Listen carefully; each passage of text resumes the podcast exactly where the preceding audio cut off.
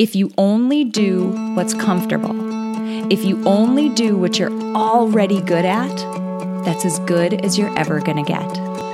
Welcome to the Women Inspired podcast, where together we explore ways to live our most joyful, aligned, vibrant lives. On this podcast, we draw inspiration from the lessons embedded in other women's stories, and we use them to catalyze our own growth and success and we explore concepts and techniques from the fields of psychology and design thinking that can help us thrive and make the most of the one and only life we're ever going to have. My name is April Seifert. I'm a psychologist, an entrepreneur, and a self proclaimed life experience junkie, and I'm your host and friend along this journey. This podcast is supported by Modern Well, a woman centered co opportunity workspace in Minneapolis, Minnesota. Friend, it is time to start living vibrantly, by design, and with intention. Here we go. Hey, everybody, welcome back to the Women Inspired podcast. My name is April Seifert, and I'm your host. And today I have an extremely quick episode for you, but something came up in a conversation that I was having with someone recently, and I wanted to share it here because I really feel like it's something that many of you can benefit from. So let's start with a little bit of a story. When I was younger, I actually used to go skiing quite a bit, which is kind of shocking because if those of you who have listened to me for a little while, you probably know that I'm from North Dakota, which is not a place where it is very well known for skiing and it's not a place where there's a lot of mountains or anything like that. But we did, in fact, have one skiing hill near where I lived. And I used to go out there a lot. My friends and I would go out, and, you know, I was always, you know, focused on getting better and wanting to become a better skier. So we'd go out all the time. We'd go out almost every weekend. And I remember one particular day, I was chatting with someone inside when we were taking a break. And I said, Gosh, you know, I really want to get better at skiing. I feel like I'm kind of hitting a plateau and I really want to continue improving. And this person asked me a question that was pretty powerful. This person said, Oh, okay, cool. How many times did you fall today? And I just got kind of quiet and I said, Well, I, I, I didn't fall today. And they said, Really? If you didn't fall, that means that you're going on runs that you're comfortable with. And if you didn't fall, that means you're only skiing in a way that you're comfortable skiing, or you're staying inside of the zone of what you're already good at. How do you expect that you're going to get any better if you're not pushing outside of that comfort zone? If you're not pushing outside of what you're already good at today. How do you expect to get any better? And that stopped me in my tracks. Because there's an underlying fact there, right? The fact is, if you only do what's comfortable, if you only do what you're already good at, that's as good as you're ever going to get. This anecdote came up during a podcast interview that I did on someone else's podcast recently. And I wanted to share it here because so many times I'll get questions from people who will write in through my website or they'll write in through uh, DMs on social media and they'll ask about goals that they have and they'll talk about these big things that they want to accomplish. But what underlies a lot of the action that we take, or in fact, the action that we don't take, what underlies that is this fear that we might fail, or this fear that we might mess up or we might not do something perfectly.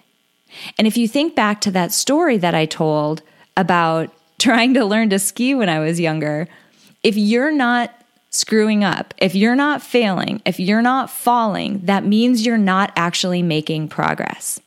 Isn't that crazy?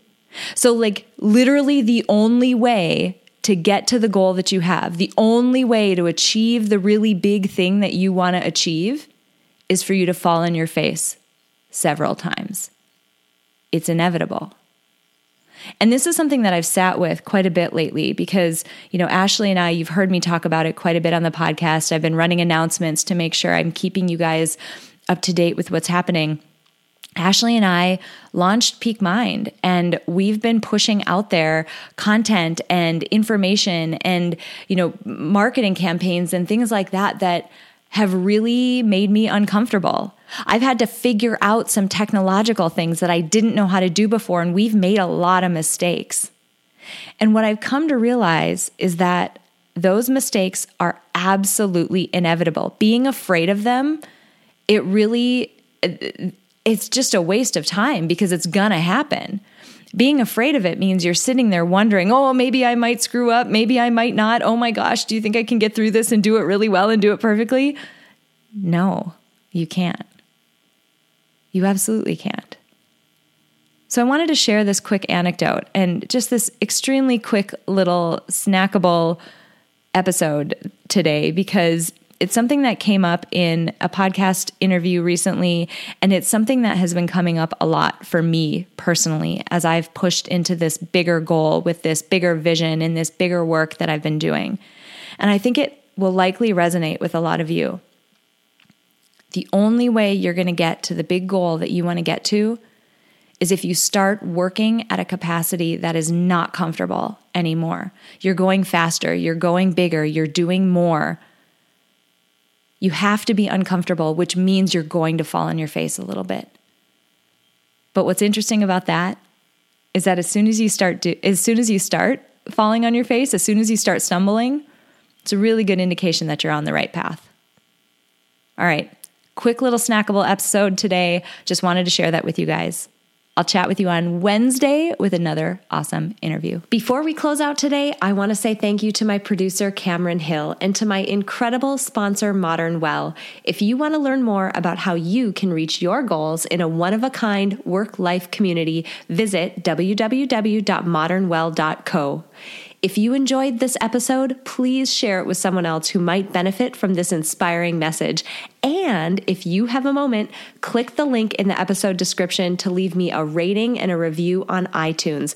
It would mean so much to me. Finally, I want to remind you that it is absolutely possible to live a happy, fulfilling life, even in spite of all of the chaos and demands we all experience. Sign up at aprilseifert.com to gain access to tools that will help you do just that. I have carefully created and curated a set of tools that combine the powerful fields of psychology and design thinking to help you intentionally create a fulfilling, happy life you love. Thank you so much for joining me this week, and until next week, stay inspired.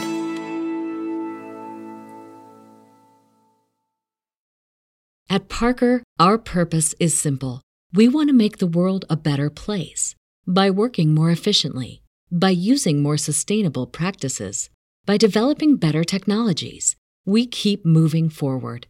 With each new idea, innovation, and partnership, we're one step closer to fulfilling our purpose every single day. To find out more, visit parker.com/purpose. Parker, engineering your success. Everybody in your crew identifies as either Big Mac burger, McNuggets, or McCrispy sandwich, but you're the Filet-O-Fish sandwich all day. That crispy fish, that savory tartar sauce, that melty cheese, that pillowy bun? Yeah, you get it every time. And if you love the Filet-O-Fish, right now you can catch two of the classics you love for just $6. Limited time only. Price and participation may vary. Cannot be combined with any other offer. Single item at regular price. Ba da ba ba ba.